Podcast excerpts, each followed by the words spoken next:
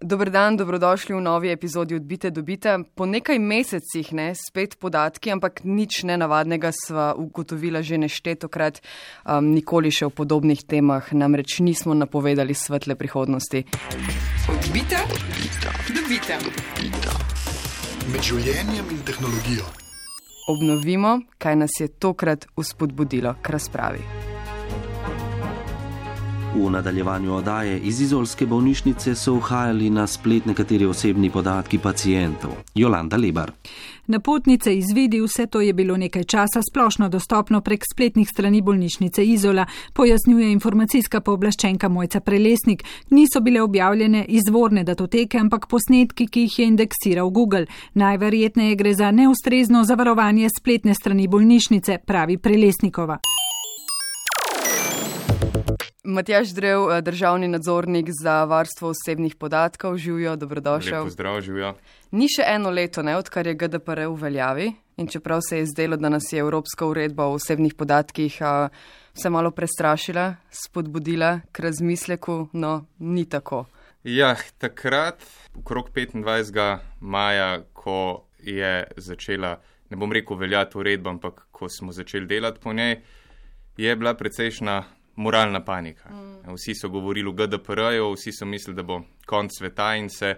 In so se tudi nekateri pripravljali, ampak te priprave so bile precej na ravni politik in obrazcev, ne pa na ravni zavarovanja spletnih strani in omejevanja dostopov. Zdaj žal vidimo rezultate, vse na zadnjem primeru. Um, vodstvo izolske bolnišnice je naredilo več napak. Kako je prišlo v javnost toliko občutljivih podatkov in kako je možno, da so na Googlu dostopni celemu svetu toliko časa? Um, najbolj občutljivi podatki, govorimo o zdravstvenem stanju posameznika. Ja, to je dobro in neprijetno vprašanje, zato ker nameče eno sliko o tem, kako slabo varujemo v resnici podatke. Nekako v javnosti se skuša vedno prikazati, da podatki so v redu zavarovani, potem nas pa taki incidenti streznejo. Ne. Recimo v tem primeru so zdaj uradne informacije, bomo imeli potem, ko bo inšpekcijski postopek zaključen, ampak že potem, kar se je v medijih pojavilo, je razvidno, da so bili zdravstveni podatki objavljeni predvsej dolgo obdobje, in to seveda izvorne datoteke, ki jih je potem Google poindeksiral, ker to počne avtomatsko. Očitno so tiste izvorne datoteke tam nekje marca 2018 umaknili, zaprli dostop, vendar niso počistili uh, posnetkov, ki jih je Google pridobil. In mi smo bili, tako kot tudi sicer, obveščeni o teh posnetkih. Tako da, kako je zdaj lahko to bilo tako dolgo, je dobro vprašanje in kaže na to, da se bistveno premalo vsi skupaj ukvarjamo z informacijsko varnostjo. Plastično, da si lahko predstavljamo, ja. ko rečeš posnetki, ne, tudi če niso bile izvorne do tega, to so dobesedno skenirane napotnice. Drži. To je noro. Ampak res ne gre za neko. Neko bazo podatkov, kjer rabiš biti vem, doktor znanosti, da karkoli razbereš, gre pa za liste papirja, digitalizirane. ne. Drži. Tudi če ne bi šlo zdaj za posnetke, torej neke kopije, kjer, kjer, kjer je bila večina vseeno v nižji resoluciji, kljub temu se je dal do veliko podatkov dostopati, je dejstvo, da te podatki so bili v preteklosti v celoti dostopni, predvsej dolgo obdobje. Ne? In tako da to v ničemer ne zmanjša teže. Se to, ne, mi, ja, pri digitalnih bazah ne, je res ta, kar je sicer nek velik napredek po eni strani, ne, na, na drugi strani pa točno to, ko je stvar enkrat dostopna. Ne, lahko za tri minute je že bi lahko, lahko bila načeloma ustvarjena kopija. Bilo je dostopno, ne, Ja, to je to- dovolj. Ne. Ampak to predvsej dolgo verjetno. Ja, ne. sej, sej. Po nekaterih ugibanjih cirka dve leti, tako da. Ja. Ja. Ja. Kaj je nekdo tam v izolski bolnišnici delal na robe, da ti podatki pridejo v javnost, ali po drugi strani, kako se lahko ostale bolnišnice ali podjetja zaščitijo, um, zavarujejo, da pač ne bi bili tarča napadov, hekerjev, kar v tem primeru se ni zgodilo, ampak se tudi lahko zgodi, ker pač osebni podatki so zlato, mamljiva ja. roba.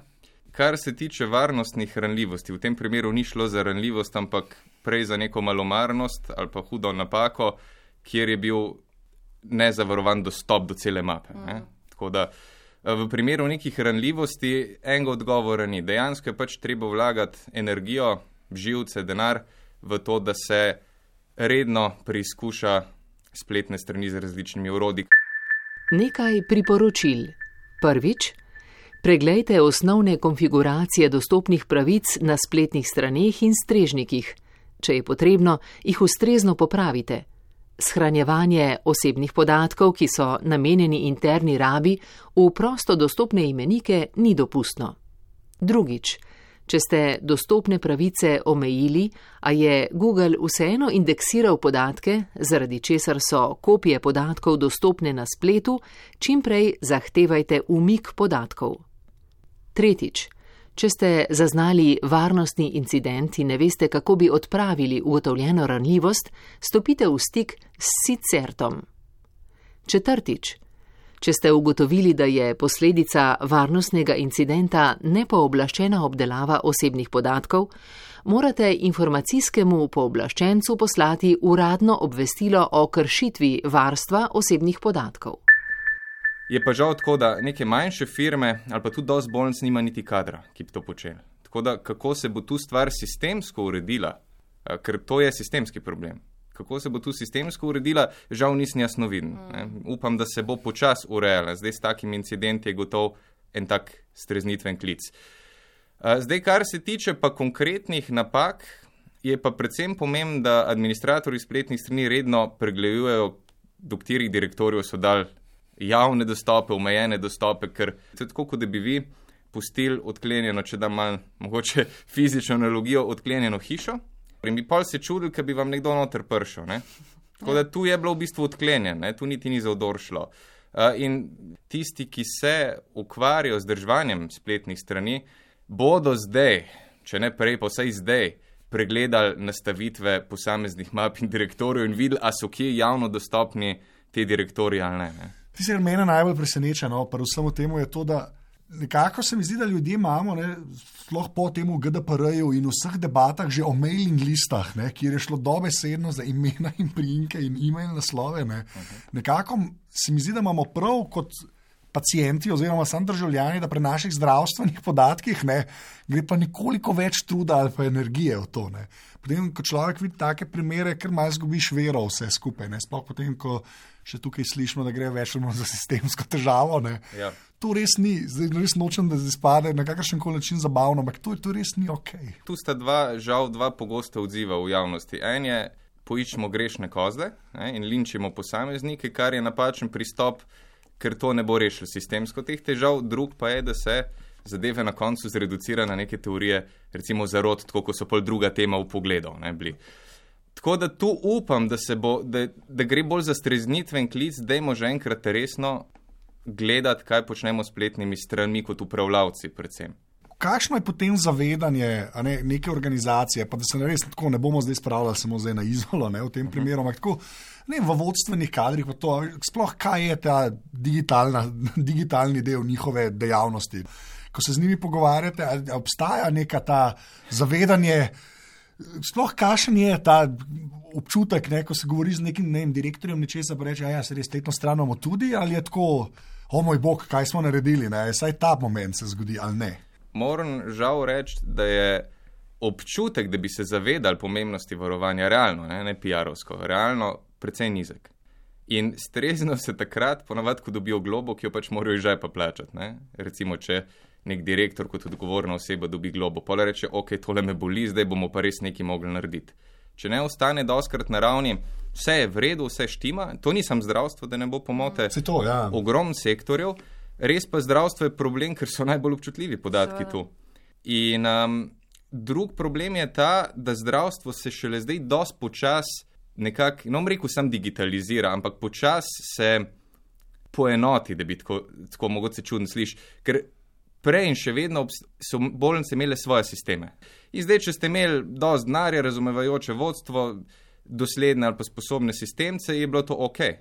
Če je bilo stanje bolj razpuščeno, kar marsikje je, je potem problem. Zdaj, če bi se počasi in e-zdravje, recimo, primer počasnega uvajanja neke enotnosti, na ta način se recimo lahko neki mečkan uredi, ne? da se da jasna enotna pravila. Tega ni bilo, recimo. Pol pa tako, kot ste vi rekli, ste prepuščeni preudarnosti pa zavesti posameznih feudalnih gospodov v svojih uh, inštitucijah. Omenjamo najbolj občutljive podatke, to dobesedno pomeni, da si v Google utipkal samo ime pacijenta, splošna bolnišnica izola, zraven pa HIV, rak, prehlad. Dobiš um, vse najobčutljivejše informacije o dotičnem človeku. Um, kaj je zdaj s temi pacijenti? So obveščeni, bi morali biti o tem obveščeni in kakšne pravice imajo? To je po eni strani kar tako prebojno vprašanje. Zakaj? Zato, ker splošna uredba GDPR govori, da v primerih najhujših kršitev ne se ne bi obveščal samo nadzorni organ, recimo nas, ampak tudi posameznike. Težava pa v tem, da ni še nekega uradnega mnenja, niti z naše strani, kaj je zdaj tisti primer, ko je smiselno obvestiti na kak način. In zdaj v tem primeru je gotovo smiselno in po mojih informacijah lahko so napačne, ampak kolikor sem govoril tudi uh, s pooblaščeno osebo um, iz izolske bolnišnice, bi bilo smiselno, nujno in korektno, da se da obvestilo na spletno stran. Ne. Recimo, to je na nek način obveščanje javnosti. Ne obvestilo, da se ni zgodilo, ampak ja, ne, naredili smo napako in posledice so hude. Zdaj, posameznike pa smiselno obveščati enega po enega prvič, ko dejansko veš, kdo je bil zdaj kompromitiran, ker tu se zdaj, kolikor vem, ni natančnega seznama še, od koga vse podatki so bili dostopni in ko je možno s tem kaj narediti. Ne? Recimo, če bi gesla všla, to je smiselno obvestiti, rečete, lejte, nekdo nam je udaril, zamenite geslo. Tu je pa zdaj zaenkrat smiselno obvestiti, recimo, ali prek medijev ali spletne strani, ni bil pa z naše strani še nek formalen ukrep v tej smeri, ne, da bi rekli, morate nujno tu smo v bistvu zdaj na takem mal precedenčnem primeru. Imate kakšne podatke, koliko je takšnih primerov, koliko ljudi je oškodovanih, koliko podatkov? Tu konkretno. Javnih. Še čakamo na te informacije, ki bo morala bolnica Izola dostaviti. Bo pa zanimivo videti, ali bo s temi informacijami razpolagala. Ne? Če ne bo teh informacij imel, je vprašanje, ali je sploh sledljivost na njihovi strani ustrezna ali ja. sploh vzpostavljena. Če jih bo pa imel, ne, pa bo mogoče kar presenetljivo grozno to. Je pa ta, ta okvir se zdaj počasi kaže, ne, vsaj v teh primerih, na nekaj, na kar se lahko vsaj vi naslonite, ne, eh, ob takih primerih, vsaj kako postopati, pa zdaj, ko govorimo o sledljivosti, pa vsemu temu. A GDPR dejansko pomaga v takih primerih? Delno, delno. okay. Zakaj? Zakaj? Zdaj ste kar optimist. Ne? Zdaj, tako je, kar se samega zavarovanja tiče, ali pa varnosti rečemo nekih standardov. Je bilo in prej precej megleno, če uporabim vaš izraz, in zdaj. Tudi GDPR v 32. členu ne daje nekih specifikacij, kaj zdaj morate imeti vse, da bo vredno. Zelo splošno. Ne? Kar pa ima GDPR, je pa dožnost obveščanja nadzornega organa, to prej ni bilo okay. in so pač ljudi probali biti tih, da vidimo, ako prođe, prođe. Ne? In drugo, v nekaterih primerjih tudi obveščanje javnosti, pa kar se zdaj zahteva je izvedba ocene učinkov na zasebnost. Pre, recimo pri nekih projektih ali IT projektih je treba zdaj v takih primerih narediti oceno učinka. S tem se nič ne reza nazaj. Ampak zdaj se vsaj prsil, ko se izvaja projekte, ko se razvija sisteme, dajmo razmišljati tudi o podatkih in varnosti. Ker vam povem, enkrat sem se znašel v neki projektni skupini in recimo vprašanja varnosti informacijske sploh ni bilo. No, pa potem sklepam, da tisti zadnji korak, ne pa globe, ne, ki. Ja. Kaj upamo, da bojo prinesle? Mislim, da bojo do, dovolj opozorila za vnaprej, ali ne? Delno, delno. Zdaj, delno, vse tudi prej smo globali. Ja, sem... Globa ponavadi zaleže, če res močno ožge inštitucijo, ali pa kot rečeno, odgovorno osebo in predvsem predstojnike, doskrat. Ker žal se kaj dogaja v takih primerih. Najde se krivcev na rekovajih nekje nizk dol v hierarhiji, ki ne bi pokasiral, ne? potem dobro, javnost dobi svoje zadoščenje in to je to. Ampak ja. to neč ne reši. Tako da globe delno pomagajo, uh, ozaveščanje, to, kar zdaj le mi trije počnemo, kar so konc koncev uh, tudi posamezniki, ki so obvestili nas in, in sicer počeli, pa mislim, da dosti več.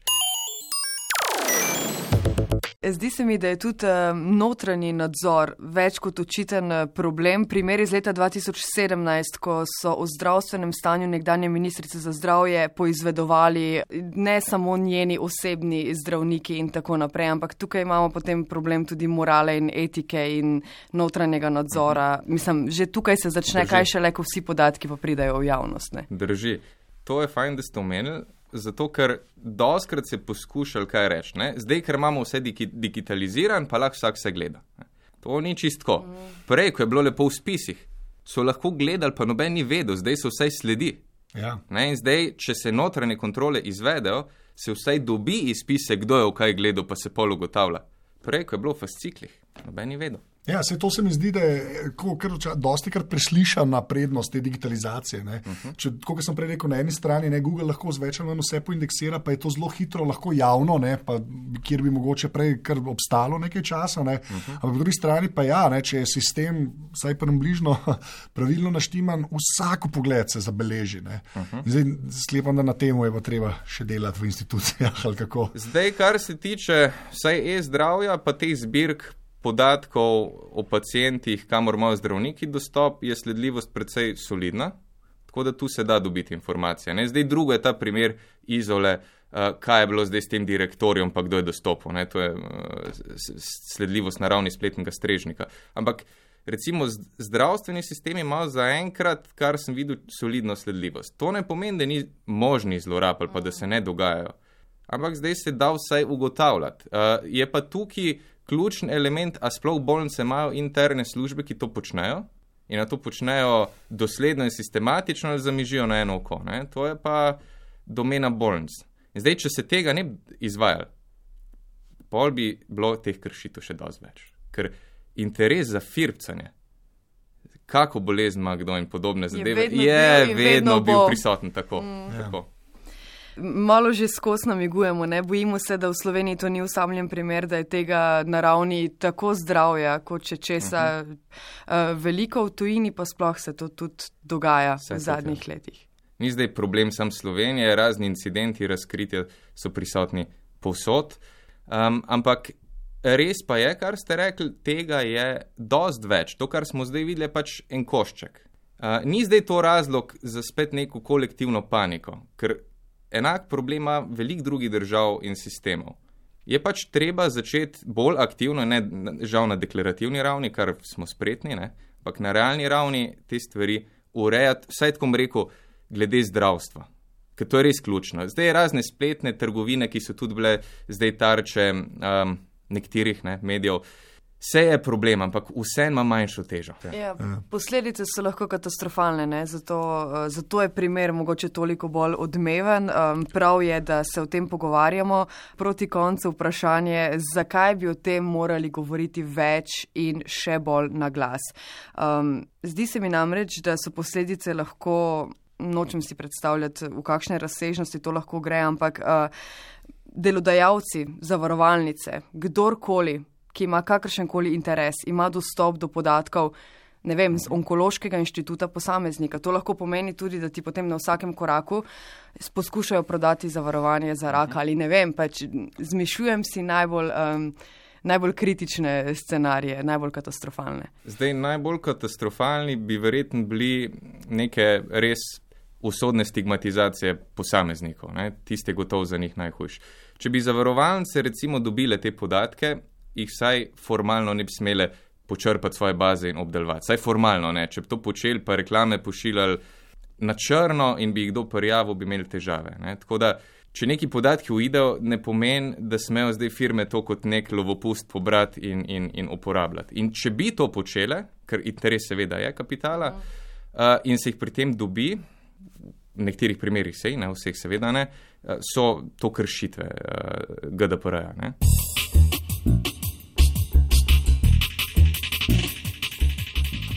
Kaj vas čaka še zdaj v prihodnjih mesecih? Verjetno, ker tule je nezavarovanje očitno. Ne. Bo zelo verjetno, tako, če se postavim izdaj te svoje formalne vloge um, inšpektorja, ampak verjetno bo tu uveden prekrškom postopek, presenečen bi bil, če ne, in, in potem uh, izrečena ustrezna sankcija, ne, ker tu je res zadeva huda. Uh, zdaj v, v drugih primerih, če bi bili množični, pa rečemo dost banalni proti temu, ker ta je res eh, izreden. Se seveda pol uvede inšpekcijo, lahko tudi izreče sankcije, ampak vendarle, kot smo prej rekla, če bi zdaj bilo tega ogromno, se potem neko listo prioritet naredi. Ne? Ker če imaš, ne vem, zdaj govorim stol, pa tisoč primerov, potem moraš najbolj ključne reševati. In uh, kombinacija sankcij plus te izpostavljenosti, ki je v resnici je boleča. V- Verjamem, da za, za, za osebje um, v bolnici tam je to le zoprna zadeva, ne, skrajno. Ta kombinacija nas bo nekoliko streznila, se bo pa žal morala občasno ponavljati, ker pol pozabimo. Ja, Ja. ja, Ja. tak lep zaključek, ne? Pa všeč mi je ta poanta, to, ki v bistvu mene pri samem sebi preseneti, ne, da ko rečem, da ko pa eni enkrat taki podatki pridejo ven, pa niso zdaj javna roba, dobesedno. Ne. Tako. To se mi zdi, da je treba reči. Ne. Se mi zdi, da je ta, ta neka mentaliteta, ko je enkrat na internetu, je pa Ja, Teksas, ne. Mhm. ni tako. Ne. Te Drži. baze ostanejo svete, tudi če gremo reči po nesreči, malomarnosti ali po Mhm. manjku varnosti pridejo javnost. Ne. Tako. Drži. Tako da tisti, ki so do teh podatkov prišli, ne, seveda ne smejo tega v svoje baze črpati in obdelovati to kršitev, če bi kdo imel take kreativne ideje. Mogoče samo umevno reči, ampak se mi zdi, da je vredno ponoviti. No. Ja, vse- včasih je nekatere samo umevne reči potrebno skozi ja, ponavljati. tako je. Tako. Evo, Ok, to je to. To je to. Matejaš, drev, hvala za obisk v odbiti veseljem. dobita. Ja. Anže, kam gremo vsi mi? Na Ja. internet. Uh, vse epizode podcasta Odbita dobita seveda najdete na val202.si pošiljnica Odbita. Uh, hvala tudi za ocene v iTunes oziroma Apple Podcasts. Na spletni strani je tudi video, ki vam pove, kako točno se naročite. In pa Afna Odbita, sva skupaj na Twitterju. Maruša, ko si sama si, Twitter rušem. jaz sem, ko sem sam, Afna Anzeto. Hvala za vprašanja, kritike, pohvale, um, odgovarjava, se pogovarjava in uh, se oglasiva naslednjič. Res je. Čau! Čau. Adijo, nasvidenje.